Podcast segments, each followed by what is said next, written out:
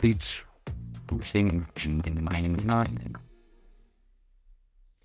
Sem Matic Fleischmann in vi spremljate podcast na 24.com. Danes rdeča nit alpsko smučanje. Veliko se je zgodilo od začetka sezone, za katero sploh nismo vedeli, kdaj se bo začela. Zdaj je tisti um, the most wonderful time of the year, lahko rečemo, pozdravljena Rok Perko in Jurek Košer. Um, ko se začne bormijo, ne, nekako rečemo, da zdaj pa se sezona zares, zares začenja. Um, veliko smo gledali vremenske napovedi, uh, pa opazovali snežne kamere, kazalo je zelo slabo, pa potem preveč snega. Um, zdaj, ko se je pa začelo zares, zares, se pa nekako bojimo, kaj bo naslednji korak, ker tudi poškodbe so se začele. Ja, res je v enem stavku, oziroma kar dobro opisano. Um, še dodal bi ta zelo neposrečen začetek sezone s toliko odpovedmi. Um, mislim, da je bilo to planirano napačno. Sicer zelo podpiram smog v Cermatu, vendar v oktobru najti um, teden dni lepega vremena v kosu je nemogoče na, tak, na takšni nadmorski višini. Drugače bi jaz rekel, ja, nekje za me osebno se začne uh, pri Alta Badi, uh, tista, uh, tisti uh, niz klasik, ki sledijo potem nekje do konca januarja. Uh, rok. Ja. A je kaj za dodati, glede na to, da je Jurek zdaj tako lepo nadaljno uverturo naredil, da me samo zanima, na koga si stavil v letošnji sezoni, da bo na koncu vzel overall? Overall, ja, veš sam, da je moj favorit. Je Mm, mislim, favorit. Težko rečem, da je favorit, ampak eh, zelo fajn se mi je zdel, da je vstopil v tekmo v Bormiju kot vodilni, uh, takrat v skupnem seštevku Marko Švarc. Um, njega mi je res žal, da se mu je zgodilo to, kar se mu je, ker uh, ga zelo rad spremljam, kako lepo potiho uh, raste v vseh disciplinah. In je eden in edini, ki vozi vse discipline. Um, in iz tega vidika uh, je, je res škoda, da ga ni več v, na programu, ker je že iz tega zanimiv. Um, in je, in je ne vem, mislim, da ja. super, super izpade. No, še uživitev. Uživitev, tako je. Tukaj absolutno se strinjam uh, z rokom. Marko Švarc je že lansko sezono, sploh na svetovnem prvenstvu, pokazal, koliko enkraten smočar je vse stranski in edini, ki bi lahko vsaj približno pariral uh, odr Mato letos za skupni seštevek. Kajti uh, on bi imel še slalom zraven ne, in to verjetno top tri slalome. Nažalost se mu je to zgodilo in um, je zelo osiromašena sezona zaradi tega, ker se je poškodoval. Um, zelo zanimiv je bil njegov pogled pred sezono. Um, imel sem to možnost govoriti z njim v Altan Marktu na uh, predstavitvi pri njegovem upremljevalcu in razlagal je, da zaenkrat je sezono razdelil na dva dela. Ne. Prvi del je do Božiča in okrog Božiča bo dejansko videl, kam se bo. Pozicioniral. pozicioniral po drugi strani pa koliko dirk bo dejansko zagotovljenih, da nekako bojo. Ne? In ko so se vrstile te odpovedi na začetku sezone, sem rekel, uf, očitno bo tekmovalec, ki bo odpeljal celo sezono v vseh disciplinah, po dolgem času stopil na sceno. In evo, okrog Božiča, bormijo, poškodba in, in konc vsega. Um, ali so malce Jure si omenil ta koledar tekmovanj. Veliko je bilo debat na to temo, ali da se začenja prezgodaj, ali da se začenja prepozno, da so tekme, ki so vedno z velikim znakom vprašanja, kot je uh, Cermat. Uh, kaj narediti, oziroma ali je šlo alpsko smutanje s prevelikim korakom v, rekel bi, nek v tak Hollywood. Hollywood plus še nekaj, česar do zdaj ni bilo, in da se to potestira, ker je pač potrebno narediti. Vem, skozi oči Elijaša, stvari drugače. Ne, moje mnenje je, da še celo premalo je šlo v smer modernizacije. To, uh, jaz absolutno zagovarjam. Predvsem, ne toliko, kar se tiče programa, pa izbora uh, tekmovališč, kaj ti bi rekel, tri četrt, pa recimo, vsaj polovica tekem je klasičnih v svetovnem pokalu, tri četrt, bom rekel in morajo ostati na, na programu. Jaz bi uh, bolj razmišljal o, o tem, kako približati mlajši populaciji alpsko smučanje v smislu teh novih tehnologij, ki so že na voljo. Ne razumem enostavno, zakaj v smuku uh, ne morejo imeti tekmovalci čela, na čeladah kamere. Hmm. Ali pa na pant. Uh, ja, ali na kakorkoli. Uh, skratka, te zadeve so dan danes zelo majhne in uh, bi lahko zelo popestrili, recimo, televizijski prenos. Vemo, večina gleda smučanje po televiziji. In če gledaš en smuk, recimo, in nek vengen, ki je 4 km, pa pol skoraj, bi lahko zelo, veliko bolj učinkovit uh, TV prenos izgledal, kot zgleda zdaj. Uh, poleg tega, mislim, da ostajajo zadaj v smislu uh, družbenih omrežij, predstavitve uh, samih akterjev. Recimo za vzgled se treba vzeti NBA ali pa ameriške profesionalne športe in se vidi, kako, če si ti fan nekega športa, kako lahko dobiš uh, vse, praktično čisto vse, kar se zgodi na tekmi. Mm. In tle je FIS ostal zadaj. Uh, upam, da uh, se bo kaj spremenil, ne? ampak ne zgolj s tem, da se da zdaj en atraktiven smog, recimo, na spored, bolj uh, celostno. Um, Ja. Je kar tu, tu praktično nimamo skoraj kaj dodati. Um, mogoče bi se dotaknil še malo tega Cermata. Uh, vi ste v preteklosti recimo tam trenirali, uh, veliko se je delalo na tej progi, um, ampak kot rečeno, ne, tam mesec oktober, november, tam sanjati tekmo je misija nemogoče. Ja, ne. Um, recimo, ko pogledaš koledar pred sezono, kaj si rečeš, ko vidiš tam omenjen crmat? Kaj ti smočari, recimo, uh, so bili na pol upani, ne? sploh recimo američani. Oni so mogli prileteti iz dobrih priprav v Ameriki, zato da so bili en teden v apartmaju in potem leteti k sebi nazaj na tekmo. Na eni strani Mhm. strošek uh, velikanski, na drugi strani nimaš nič. Um, en trening, mogoče dva so lahko delali. Mislim, sigurno bi bilo atraktivno videti vse to. Za začetek ga moramo sploh videti, da vidimo, kako izgleda. Um, mislim, meni se zdi v redu, da bi bil, ampak je pa res, res, res težko pričakovati, da bo na taki nadmorski višini, v takem okolju, en teden lepega vremena. Jaz se ne spomnim, pa smo veliko trenirali v Cermatu ali pa na sosednjem hribu Ledeniku Sasfeju, da je bilo pa en teden zapored lepo vreme. To je, to je, res praktično čudo, ja, ne mogoče. Tako da iz tega vidika je kar riziko to pač neko, tak, neko tako tekmo tam organizirati. In, Um, zadnjič, ko sem pripravil en prispevek povezan s smočarijo, smo veliko govorili o tem, kje vse se je včasih smučalo. Kakšne možnosti so bile za smučanje, A danes vidimo, da um, ledeniki izginevajo, tudi to bo ena zelo velika zagata v prihodnje. Prav gotovo, treba se bo prilagoditi. Sej, na nek način se prilagaja tehnika proizvajanja uh, tehničnega snega, oziroma uh, topovi lahko ob vedno višji temperaturi že proizvajajo sneg, ampak kakorkoli je pa dejstvo, predvsem kar se ledenikov tiče in poletnega smučanja, bo počasi potrebno Evropo pozabiti. Ne? In to bo seveda še podražilo uh, vse skupaj, udejstvovanje z alpskim smučanjem, kajti potrebno bo Mm. vselej na južno poloblo. Uh, to pa seveda so ogromni stroški. In, ja, um, zdaj, zelene zime so sicer bile tudi v preteklosti. Jaz se spomnim, da konec 80-ih smo imeli dve taki onoma zeleni zimi. ne. Se ni, so bili mi še mali, ne, najstniki, Hm. otroci in uh, se ni dal smučati, recimo, tudi pri nam. Pa smo se mogli voziti. Ne. Tako da ne bi posploševal, ne, je dejstvo, da ledeniki izginjajo, to je, to je dejstvo. Ampak kar se pa tiče snežnih padavin, je bilo pa že kaj takega tudi v preteklosti. Mm. Tako da uh, me ne bi presenečal, če bi pa tudi vrgel snega dva metra. Ne. Tako da, ja, to so moji izkušnji. Zadnji sem videl en posnetek, eh, mislim, ne na Instagramu ali pa Facebooku, iz leta 75 iz Garmiša s slalom. Ja. Je prav tako izgledal, kot zdaj, recimo Zlata lisica. Samo en koridor je bil pa še to zelo ozek, mogoče da je bil širok ne 8 metrov, za eno progo postavljen, ob strani so pa uh, stali delavci na, na travi v bistvu in so speljali slalom. No. Leta 75, ker pač, ker vsi mislimo, da takrat je bilo pa tudi 3 metre snega vedno, a ni čistko, kot je Jure rekel. In če se zdaj preselimo na aktualni moment, moment Vengna um, in koledarja, oziroma flikanja koledarja, odpadle tekme. Uh, že tako naporen spored je bil še bolj naporen, uh, nadaljuje se v približno istem slogu.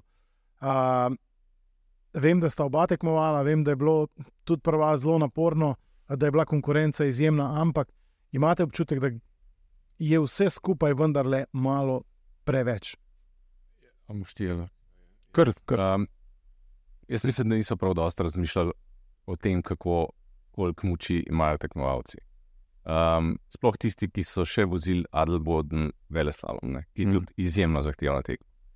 In zdaj imeti en dan, potem pauze, pa potem takoj tre, s treningi smuka začeti v Vengnu, ki uh, je dolg dve minuti in pol, plus mm, je, je res dokaj nesmiselno. Ne? In lahko pripišemo ti dve poškodbi, torej eh, Pintero in pa Kilde. uh, Kilde. Absolutno te izčrpanosti. Ne? Sploh uh, Kilde, ki je bil še bojda bolan. In se je točno videlo v zadnjem zavoju, da je popolnoma brez močivstva in to tekmovalec, ki je najbolj pripravljen v svetovnem pokalu, po vsej verjetnosti, eden izmed ne. In um, je to res ena, um, rekel, traparija. ne. Uh, tako da tukaj, mislim, ampak to je bilo od nekdaj tako, tekmovalcev se ne sprašuje, kaj dosti. Ne, eh, Mi smo imeli, uh, se spomnim, kaj se vem, kdaj je bilo to nekje sredini 90-ih, smo hoteli narediti neko spremembo in ustanoviti nek. Uh, nek Sindikat tekmovalcev. Ja, ja, neko volilno telo. Tolo. Uh, pa so nekako nas malo upoštevali, ampak niso imeli praktično nobenega glasu pri tem, da bi na karkoli vplivali. Ne. Mogoče na smuku, če so se spremenile kakšne varnostne zadeve. Ampak um, skratka, to se ne. ne Dirkaj. Dirkaj. Dirkaj. Ja. Ampak sej, dejstvo je, da tekmovalci hočejo tekmovati. ne. Oni hočejo, oni si želijo več tekem, več možnosti. In tako je tudi Vincent Krihmajer recimo tudi dal izjavo, da njemu se to zdi pač uh, en dogodek, ki se je zgodil, ki se zgodi, če si prej izčrpan, da pač je posledica padec. Ampak da vsi si želijo več tekmovati. Tudi Kilde v samih izjavah ali pa objavah ni pretirano uh, skritiziral vsega tega. Pač. Še vedno rekel, to je tak šport, brutalen šport je, še vedno ga imam rad in se zgodi. Je pa res, on je bil drugi v Adelbodnu, med drugim v, v Veleslavu. V nedeljo, ne? Potovalni dan, v nedeljek, torek, v Vengnu že prvi trening najdaljšega smuka na svetu. Uh, sreda, trening še en, četrtek, Dirkamo. uh, skra, skrajšan smuk v, v Vengnu, ki pa po dolžini čisto isto dolg, kot pa vsi ostali smuki, a ne približen. Je časovno isto kot Bivrkrik, a ne. Pustimo, da je Bivrkrik na 3000 metrih, ampak ok. Uh, petek, najdaljši super G, zelo utrujajoče. Pol pa še kralj vseh vzdržljivostnih preizkušenj, uh, z vrha klasičen Vengen. Mislim, to je ubijalski tempo in, in nenormalna vzdržljivost. No. Mogoče kot zanimivost, ne, eh, zdaj eh, 30 let, oziroma še malo več, um, 33 let od tega je, kar se je zgodila najhujša nesreča v alpskem smučanju, ne, ko je umrl Gernot in Mm -hmm. jaz imam tle eno, um, bomo rekel, eno zadevo, ki me je spremljala celo pol, še zdaj razmišljam doskrat o tem. Jaz sem par tednov predtem, on je bil moja generacija, smo bili na mladinskih svetovnih uh, prvenstvih skupaj, na evropskih pokalih, smo imeli oba mm. grupo super veleslalom. Jaz sem takrat bil bolj usmerjen v, te, v hitre Hitre. discipline. In je bila tekma v KNC-ju v Italiji. In uh, sem jaz prišel v cilj, izmučen totalno, ker je bila temna tekma, zelo zahteven te, uh, teren, in sem padel v cilju. In ravno, ker sem nekako se pobral iz tistih uh, zaščitnih mrež, nekako uh, pride on za mano dol in isto pade. Ne? In potem smo razglabljali, kako se nismo uspela dvigati v cilju, ne? in noben nima moči. In so pač enostavno padla. Ne? In potem se dva tedna potem se zgodi ta nesreča, ko, so, ko je bilo um, kvalifikacije, so imeli Avstrijci, kdo bo prišel v ekipo. Country kvota. Tako je. In je fant prvič pel v svetovni pokal in zgleda šel do maksimuma in popolnoma razsodno zgubil v tistem zadnjem uh, S-u. In se je zgodilo to, kar se je. In jaz se spomnim, to je bila najbolj grafična, kar sem jaz kadarkoli videl po, po TV-ju in tisti je mene kar konkretno oddaljil uh, od, od poguma, poguma v, v smuku. No, zdaj si sicer najbolj črn scenarij predstavil, ampak a, zelo dobro pa je, da težko sicer reči, da je dobro, da je nekdo padel. Ne? Ampak prebral sem kolumno Bernharda Rusija, am, konstruktorja prok nekdanjega tekmovalca ITD. In je dejal, da ravno ti padci, ki se zgodijo, ne, so pa tudi neko opozorilo, da še vedno obstajajo skrajne meje v alpskem smučanju, ker vemo, da ravno mladi tekmovalci, ki prihajajo, pogosto precenijo samega sebe, Uh, Rok me je na en detajl pri Kildeju opozoril, ki ga sploh sam nisem spremljal te vožnje, videl se pravi, da je dal glavo dolne, da gremo olin. Ja, ja, po tunelu, pač, Kilde, jaz sem prepričan, da se je po Brigljesu zavedal, da tistega zavoja ni odpeljal optimalno. In ko je prišel ven iz tunela, je pač dal glavo dol. In verjeten je bilo tisto, kar je znak šit, stari. Pač. Zajel sem ta zavoj in pač vsak ve, da če tam narediš napako, je to bistvenega pomena za nadaljevanje. Ne? In tam ti samo v glavi že preštevaš stotinke ali pa desetinke. In ko se je njemu zgodil, in si mislim, da je takrat vklopil pa No, no in tudi, limit. če se pogledaš enkrat njegova uh, uh, vožnja, ne, on je imel težavo že pred vstopom v, v S, Tako. ga je že potegnil nazaj. In pa potem v samem tem desnem zavoju bi on enostavno lahko izpustil tista vrata v ciljem. Ja, ja, ja. Um, ampak pač to je tak smočer, ki bo naredil vse, da bo, da bo se rešil. In ravno zaradi tega, ker je lovil potem naslednja vrata, je, je padel. Ne. Ampak um, škoda bi bilo še enega takega z- zgubiti. Na srečo, kot sem prebral, uh, poškodba ni toliko huda, ne. Se je sprva zgledal, ampak to se pokaže potem malo kasneje. koliko. Pač, tam smo malo bliže v skrbeh, ker smo videli, eh, da Prevezo, dela ja. to prevezo, pač, da ustavi krvljenje ali karkoli. Pač, mislim, tisti, ki ti ti začnejo delati, veš, da je nekaj. Nažalost, zares narobe. spominjali je zelo na, na Gernota Rajnštadlerja, ne padec. Ampak na srečo so zdaj, je pa treba priznati, uh, pač eh, varovalne mreže boljše in drugačne, kot so bile. Ja, dejstvo pa je, da se je pri 70 plus na uro ustavil v enem metru. a ne. Seveda. No, Pogovarjamo se, da ne Zelo uro. z dvema prometna deskama nesreča. drsi, ne? z dvema deskama. Ne? In vsak milimeter, ko obrne, Mislim, poškodb je res ogromno. no. To je, tudi če se Švarca pogleda, kako je njemu v bistvu sred zavoja odtrgal križno vest, to, je, to se vidi, kakšne sile so, um, kako v bistvu je pripravljen tekmovalec maksimalno, ne, mm. pravi močan. In, ampak enostavno pride do, ne zdrži material. V Švarcu se nič ni telo. videla, ne. Ja. da bi karkoli narobe naredil. Slkt na bok in v mrežo. Pa z ne tako hitrostjo, niti v mrežo. a ne. pa verjetno dokler drži adrenalin, je še vse v redu, ne? ko se Ja. pa telo ohladi, ko pa vidiš, Mislim, kaj. Zdaj le v dveh tednih pač so šli tri zares, uh, kako bi rekel, vplivni smočari v tem trenutku Ja, uh, volencev. a ne. Prženska. Kentero, Kilde, to je tako, kot da bi včasih pač se poškodoval, ne vem, Rajh, uh, Svindal, pa, pa Bowden Miller, da bi take ase zgubil v dveh tednih. Škoda.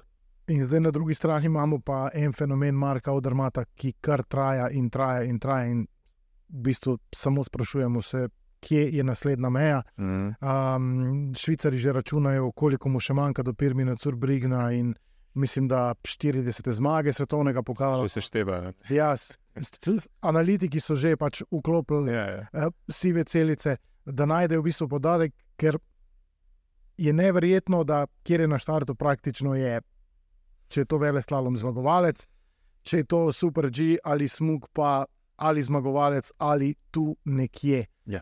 Trenutno je v treh disciplinah na prvem mestu. ne. Ja, on je definitivno next superstar, ne?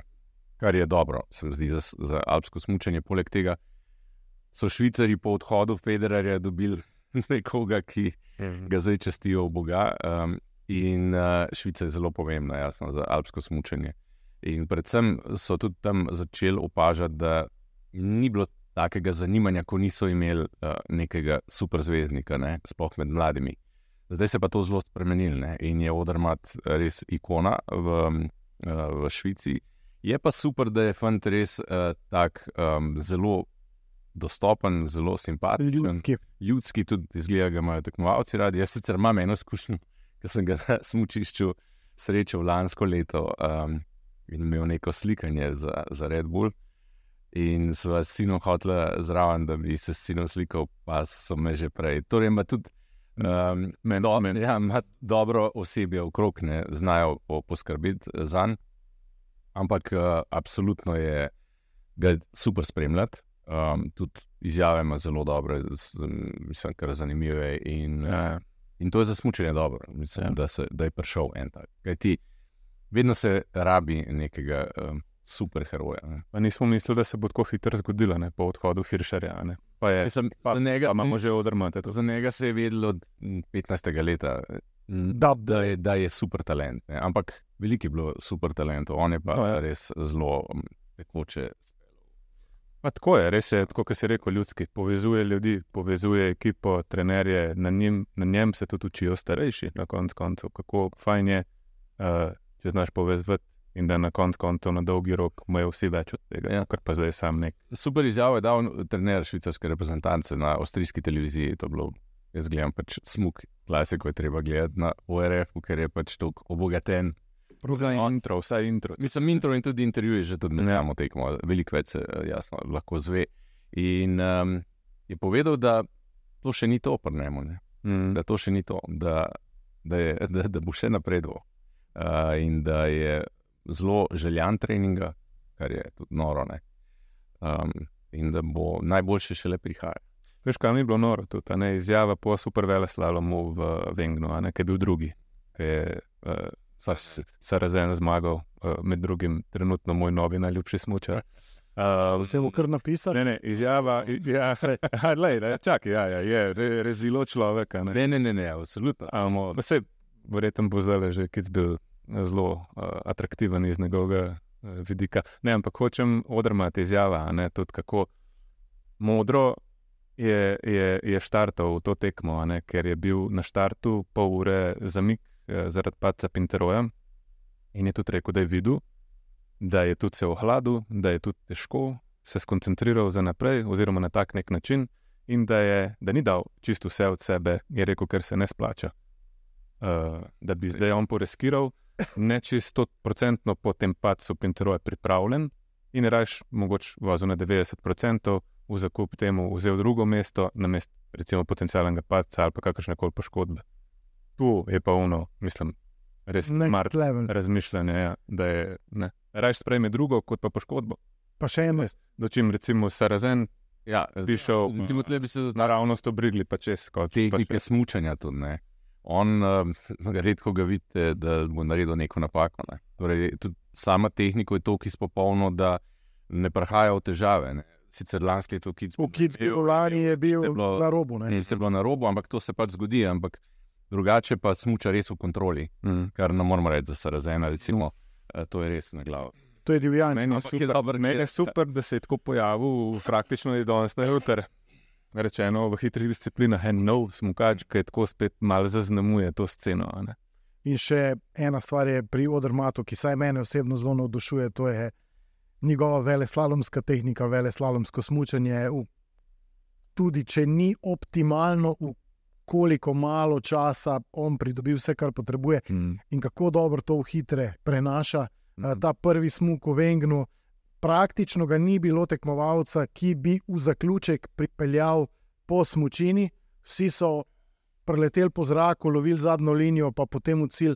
On se je pripeljal, kot bi vozil vele slalom tam Ja. v tem zaključku. Se mi zdi, da je kar mal dal misel vsem uh, bolj tehnično dovršenim smučarjem ali pa veleslalamistom, da lahko tudi oni vozijo hitre discipline ali pa smuk pač konkretno. Mislim, Sarazen prihaja prav tako iz veleslaloma. Eh, Leta 2019, drugi v Altabadi. Mislim, Uh, Marko Odrmat, veleslalomist. Uh, Aleksi Pintero, mislim, uh, Pintero tudi, a ne, v Vengnu njegova najboljša vrstitev na skrajšanem smuku, deveto mesto. Um, in se kar nekako malo zdaj umeščajo te uh, veleslalomiste tudi v smuk. Jaz bi mogoče dodal to, da pri teh serijskih zmagovalcih eh, pride do enega fenomena, ko lahko z 90 ali pa mogoče se celo manj odstotki nastopijo, pa še zmeraj zmagujejo. ne. In zato zgleda toliko bolj enostavno. Recimo Mikaelo Šiferin v Lijencu na zelo zahtevni podlagi, ona se je pelala po trening vožnja, pa je zmagala za dve sekundi. In pa zgleda to nek super, ampak v bistvu pa samo tehniko uspejo toliko dobro odpeljati. ne. Uh, Mhm. čez, ne vem, Ker smo ravno pri Veleslalomu, bi tu še eno stvar uh, mogoče izpostavili in to je Žan Kranjec, četrti v veleslalomskem seštevku, um, dve tretji meseci Altibadi, um, mogoče ne začetek sezone, kot se ga je nadejal, pa potem s to Alto Badijo popravil, pa potem Madl Boden, ki se mu ni šel, kot si je želel. Um, ali drugi delajo drugače, ali je žan en teh zadnjih klasičnih smočarjev za njega, vsi vemo, zelo rad, pa veliko trenira, in po drugi strani je en tistih perfekcionistov, ko mu mora res dejansko vse štimati, da je on sposoben dati od sebe uh, dve uh, top vožnji. Verjetno je res tako, da potrebuje določene pogoje za top rezultat. Ampak tudi ta mesta so vrhunska, on še vedno sodi v oži krog najboljših veleslalomistov na svetu.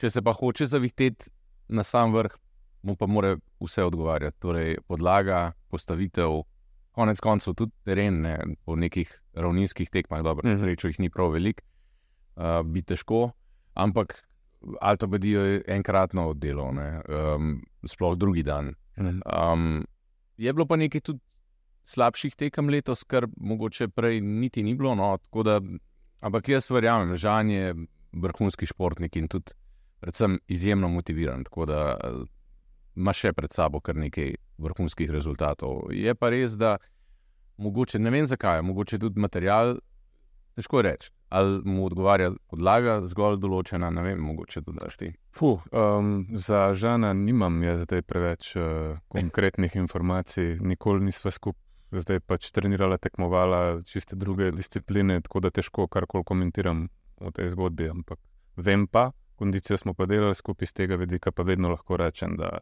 tazga atleta med smučari, pač jaz še nisem videl, niti spoznal. Tako da iz tega vidika pa vem, da je pa, je da, nesporno, da je pa nesporno, da je pa zelo, zelo dobro pripravljen in močan. Preden se preselimo še na ženski del svetovnega pokala, imam samo eno vprašanje. Mm, Miha Hrobat. A, bi rekel, en od tekmovalcev, ki je še zelo zanimiv, vedno a, se uči, ampak konkurenca tudi v hitrih disciplinah je neverjetna. Spomnim se tam, mislim, da je bil ali Gardena ali Bormijo, ko so bili v vem, 81 sekundah od 1 do 30. Ne, a, da je bil nek Vincent Krihmajer, a, 23, 24 Mhm. na koncu. Torej, karte so kar um, zelo dobro premešane.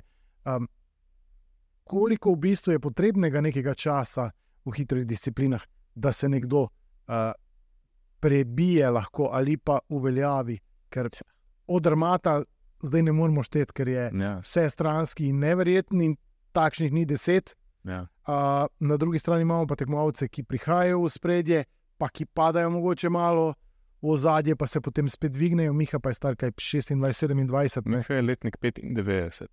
to pomeni On 28. je trenutno v 29. letu um, in je super, uh, smočar, ki se mu poklopijo veliko uh, umestnih časov, Mm, žal pa premalo krat se stav to v celoto. Um, lansko leto Kitzbühel, to smo že komentirali, Na svetovno prvenstvo. svetovno prvenstvo, um, mislim, pa letos tudi ni, ni približno zanemrljiv njegov rezultat v Bormiju, na Res je. pač za moje pojme najtežja proga v, v pokalu, uh, sploh pa na taki ledeni podlagi, kot je bila. Se pravi, mu ustreza ekstrem, ustreza mu let, um, Atomik dobro očitno tudi dela na taki, uh, na taki podlagi. Tako da um, ne vem, kje tiči v bistvu problem. No. Mogoče uh, Dokončne uveljavitve na nek tako je. Definitivno je smuk, pa su- smuk, predvsem disciplina, ki zahteva največ izkušenj v smislu, um, da si da spoznaš proge. za svetovni pokal. Uh, razlika med evropskim pokalom in svetovnim v smuku je gigantska. ne. Ja, nas so se, meni osebno so se zdeli vsi evropski pokali blazno lahki, potem pa prideš na svetovni pokal, pa gre 20 km na uro hitrejši, garmiš konkretno. Mhm. naprimer, ne. Um, zdaj, Ja, se niti nit niso iste proge. Niso Evropski proge, pokal, svetovni pokal so druge konfiguracije prizorišča. Si nekaj sestaviš, ne, v, se spoznaš, lahko bolj napadaš potem. Ne. Tako da uh, ne bi jaz rekel, da mislim, on vsekakor ima še nekaj možnosti in kar, kar nekaj let, recimo. Uh -huh. Mhm. Sam je pa zdaj odvisen vse, kako, kdo ga bo še spremljal, koliko, kdo se bo prebil še, kdo bo, Mm. mm. kakšna bo ekipa, um, kakšen bo konec koncev tudi material dobil. ne. Mm. Cel kupenih dejavnikov, ampak dokazal je, da se lahko super pile in da ima tudi pogum. Ravno na teh eh, najtežjih zadevah je odlično funkcioniral. Točno da zdaj prihaja Kitzbühel, da je mu pogled, kako bo šlo tukaj. Ja, želimo si, da zelo dobro. Um, potem pa se preselimo na ženski del svetovnega pokala, kjer se je vse zdelo, da je jasno, da bo Mikaela Šifrin se poigravala skozi sezono, in potem so se začela najprej nihanja, zdaj nastop utrujenosti. Um, ko nekdo, ki je tako pripravljen, ki ima tako ekipo okoli sebe, začne govoriti o utrujenosti, se prvo vprašaš, ne, kaj je bilo narejeno na robe, ali je zbolela vmes ali ne. Um, bilo je govora o nekem hudem prehladu, ki se ga dolgo ni um, rešila, in kar naenkrat dekleta, ki so vrhunske smočarke, že pritiskajo tudi konec koncev na njen overall, sploh ker zdaj nihče natančno ne ve, ali bo izpustila samo tri dirke ali jih bo več. Lara Gudbe Hrami, Ja, uh, vrhunski potem uh, tu je eh, nekdanja dobitnica, se pravi uh, Brinjone, Mm. um, izkušena dekleta. Ja, jaz lahko rečem, da je kar zanimivo gledati. Moram reči, spremljati tudi ženski svetovni pokal uh, z večjih vidikov. In en je ravno ta um, Mikaela, Ši- fenomen Mikaela Šifrin. Težko je ohranjati tako motivacijo, sploh v tem, ko že toliko, toliko dosežeš. Ne? In, um, in pa tudi jaz popolnoma verjamem, da je prišlo do izčrpanosti. Pač nek, neka viroza, neka bolezen to telo res. Takrat zgubiš tudi motivacijo, konc koncev. In verjetno je ona toliko, pa tudi ekipa okrog nje so toliko samozavestni, da tudi če bo en del sezone spustila, da lahko še vedno potem zmagami, ne, ker ona dejansko z zmagami potem vse skupaj Kompenzira. Ja, kar na hitro, poravna linijo. Ker mislim, da je pa edina v ženskem svetovnem pokalu, ki zmožna zmagati z več sekund na prednostjo. To pa bi kar nekako. Čeprav je Vrhova dokazala na prvem slalomu v Leviju, ja, ampak tiste je bilo še malo začetek. Ja. Um, predvsem v tehničnem smislu je neverjetna in tam, kjer je malo teže, je, je, je ona. Jo težko. Jaz mislim, da vejo, kaj počnejo. Da je Ja. ta počitek pač Prav gotovo. smiselen, oziroma vejo, da je potreben in da se bojo vrnili in spet začeli harati po domače povedano. No, želeli pa bi si, da je v tej kombinaciji teh z več sto točkami že v tem trenutku tudi Ilka Štuhec, sploh po lanski sezoni, ki je bila fenomenalna, neko popolno ustajenje. Um, Ja, tu še nismo bili na Ja. ne? se je zgodilo, um, kot bi ne vem, se spustila roleta, ne pravijo. Um, čeprav je kazala zelo hitra na treningih, zelo blizu najboljšim na tekmah, ampak potem pa en moment, ko enostavno, kot da bi blokada se naselila, kot da ne gre več toliko, kot da se ne tvega toliko. Nikoli nisem vozil smuka, ne vem, ampak Izvoli smo kač. Spet um, bom rekel, da nimam zadosti informacij, da, da, da bi tako, kako bi rekel, temu grobo komentiral te njene, njen, njen prikaz do zdaj. Um, kar gledam, gledam po televiziji in vidim očitno razliko v vožnji super vele slaloma in pa smuka. Smuki precej bolj ustreza, vsaj m, čuti se, da je precej bolj domača, um, samozavestna tam. Ne vem, karkoli bom rekel, zna biti mal. Mislim, Uh, Lahko komentirava to, kar vidiva pod tako je. In kot bivša tekmovalca, ki, vi, ki vidite. Ja, ja, ne, Kaj je narobe? ne pogovarjam se z ekipo. Um, kot druga smukačica lanske sezone ne, um, je letos sem jaz opazil, da ni bilo take odločnosti v nastopih. Torej, predvsem v težkih uh, tehničnih delih, torej v zaprtih, težkih zavojih. Enostavno ne stopi na smočko, je kot da. Jaz imam tako občutek, tak, tako je vozila takrat, ko je bila poškodovana, no, ko še ni bila popolnoma eh, sanirana poškodba. Ne. Torej, okleva z, z samom, ja. samo nastavitvijo in tam največ zgublja. Ona je en, verjetno najboljša um, glajterica, gledajte, Drsavka. drsalka. Uh, najboljšo uh, pozicijo ima v preži od uh, smukačica. Mhm. Mislim, in ti deli je še vedno popolnoma konkurenčna. Tudi material se mi zdi, da, da funkcionira. Ampak, ko je pa treba narediti um, zavoj, v, zahteven zavoj ob visoki hitrosti, se pa vidi, da okleva in da ne stop uh, dobro. To je moje opažanje. Ja, zato je trenutno 11. v smukaškem seštevku svetovnega pokala. Ampak verjamem pa, da z enim vrhunskim rezultatom se pa lahko zgodi tudi ta klik, da je vse drugače. Ker če gledamo Sarazana, ne, ko je zmagal Bormijo, zdaj pač vozi po tem ključu, ki mogoče ni vsem najbolj pri srcu, ampak eh, se enostavno ne odlepi več od odra. Ne.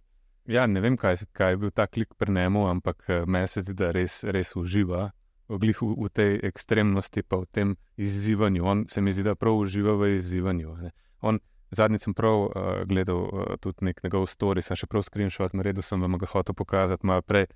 Um, kakšne besede ali pa te emojije on uporablja. Mislim, on se napove na tekmo z noži. On, on je nože dal gor v story. ne. On, prav, on gre razparati to progo, on je, on je, on je ta prav bandit in se vrže dol v ta smok in ga razreže. In, in očitno je pogruntal nek ta detajl med tehniko, pa med tem, kar je uspel ustvarjati v Veleslalomu, da je to prenesel v, v, v, v, v hitrost. Tehniko je on imel, ne? on zna stopiti na smučo, zna za voj narediti noro, ker pač je tehnično super podkovan. Potem ti pa ti rezultati pa dajo še tisto samozavest, ki se samo nalaga. Tle sem dobro odpeljal, zdaj grem na naslednjo tekmo, bom še, še več si bom upal. ne. In jaz mislim, da ve dobro, kva dela drugače. Čeprav izpade malo noro, Kamikaze. kamikaza, ampak ni kamikaza. Ni, ni un, ki ne bi vedel, kaj počne. Pač zgleda pa tako. In ko mi čakam, da v Kitzbilu zareže v, v Štajlhang, da vidim, kako ga bo tam mimo mim, mim ograje potegnil. Tako da To, to bo ekstremno dobro gledati. No, Kidsbill se je že začel z današnjim dnem, um, vsak sta ga po svoje doživela. Jure, ti si ponavadi prišel malo kasneje, glede na to, da si vozil slalo. Ja, ampak eh, ne boste verjeli, da sem jaz, vsak, eh, no, ne vsako leto, ampak sploh tam eh, okrog od 20. do 25. leta, nekako um, žico v trenerje, da bi šel pelet uh, smuk.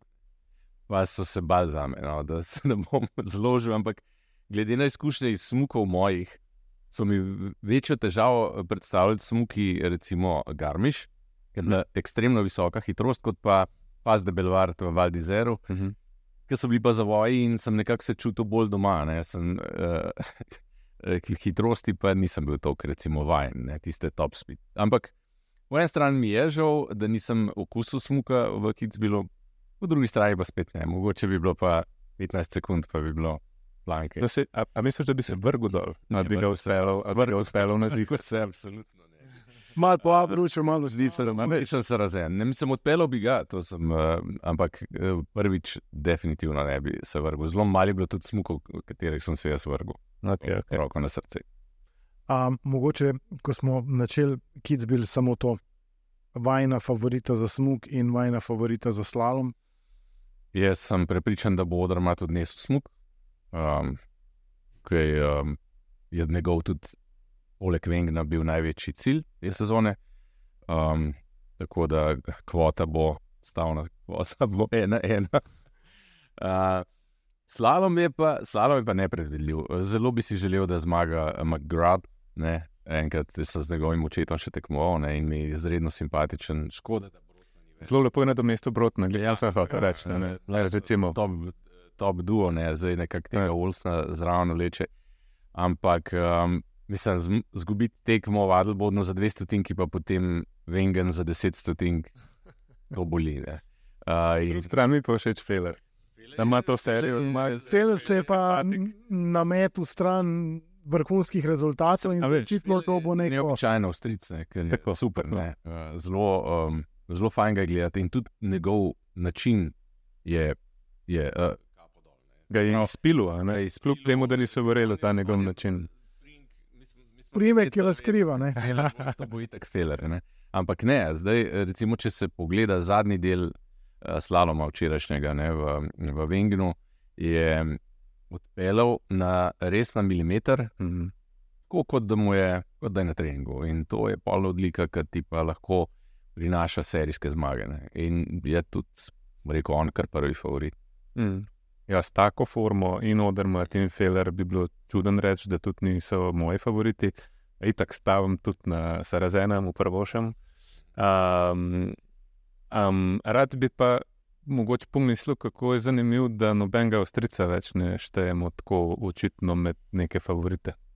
Ja. Štirje so štartali Vengen, štirje Avstrici od tradicionalno vedno zapolnjene kvote desetih tekmovalcev.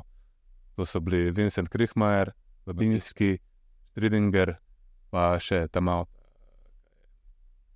Ne, Ja, ja, ja, ne, ja, ja.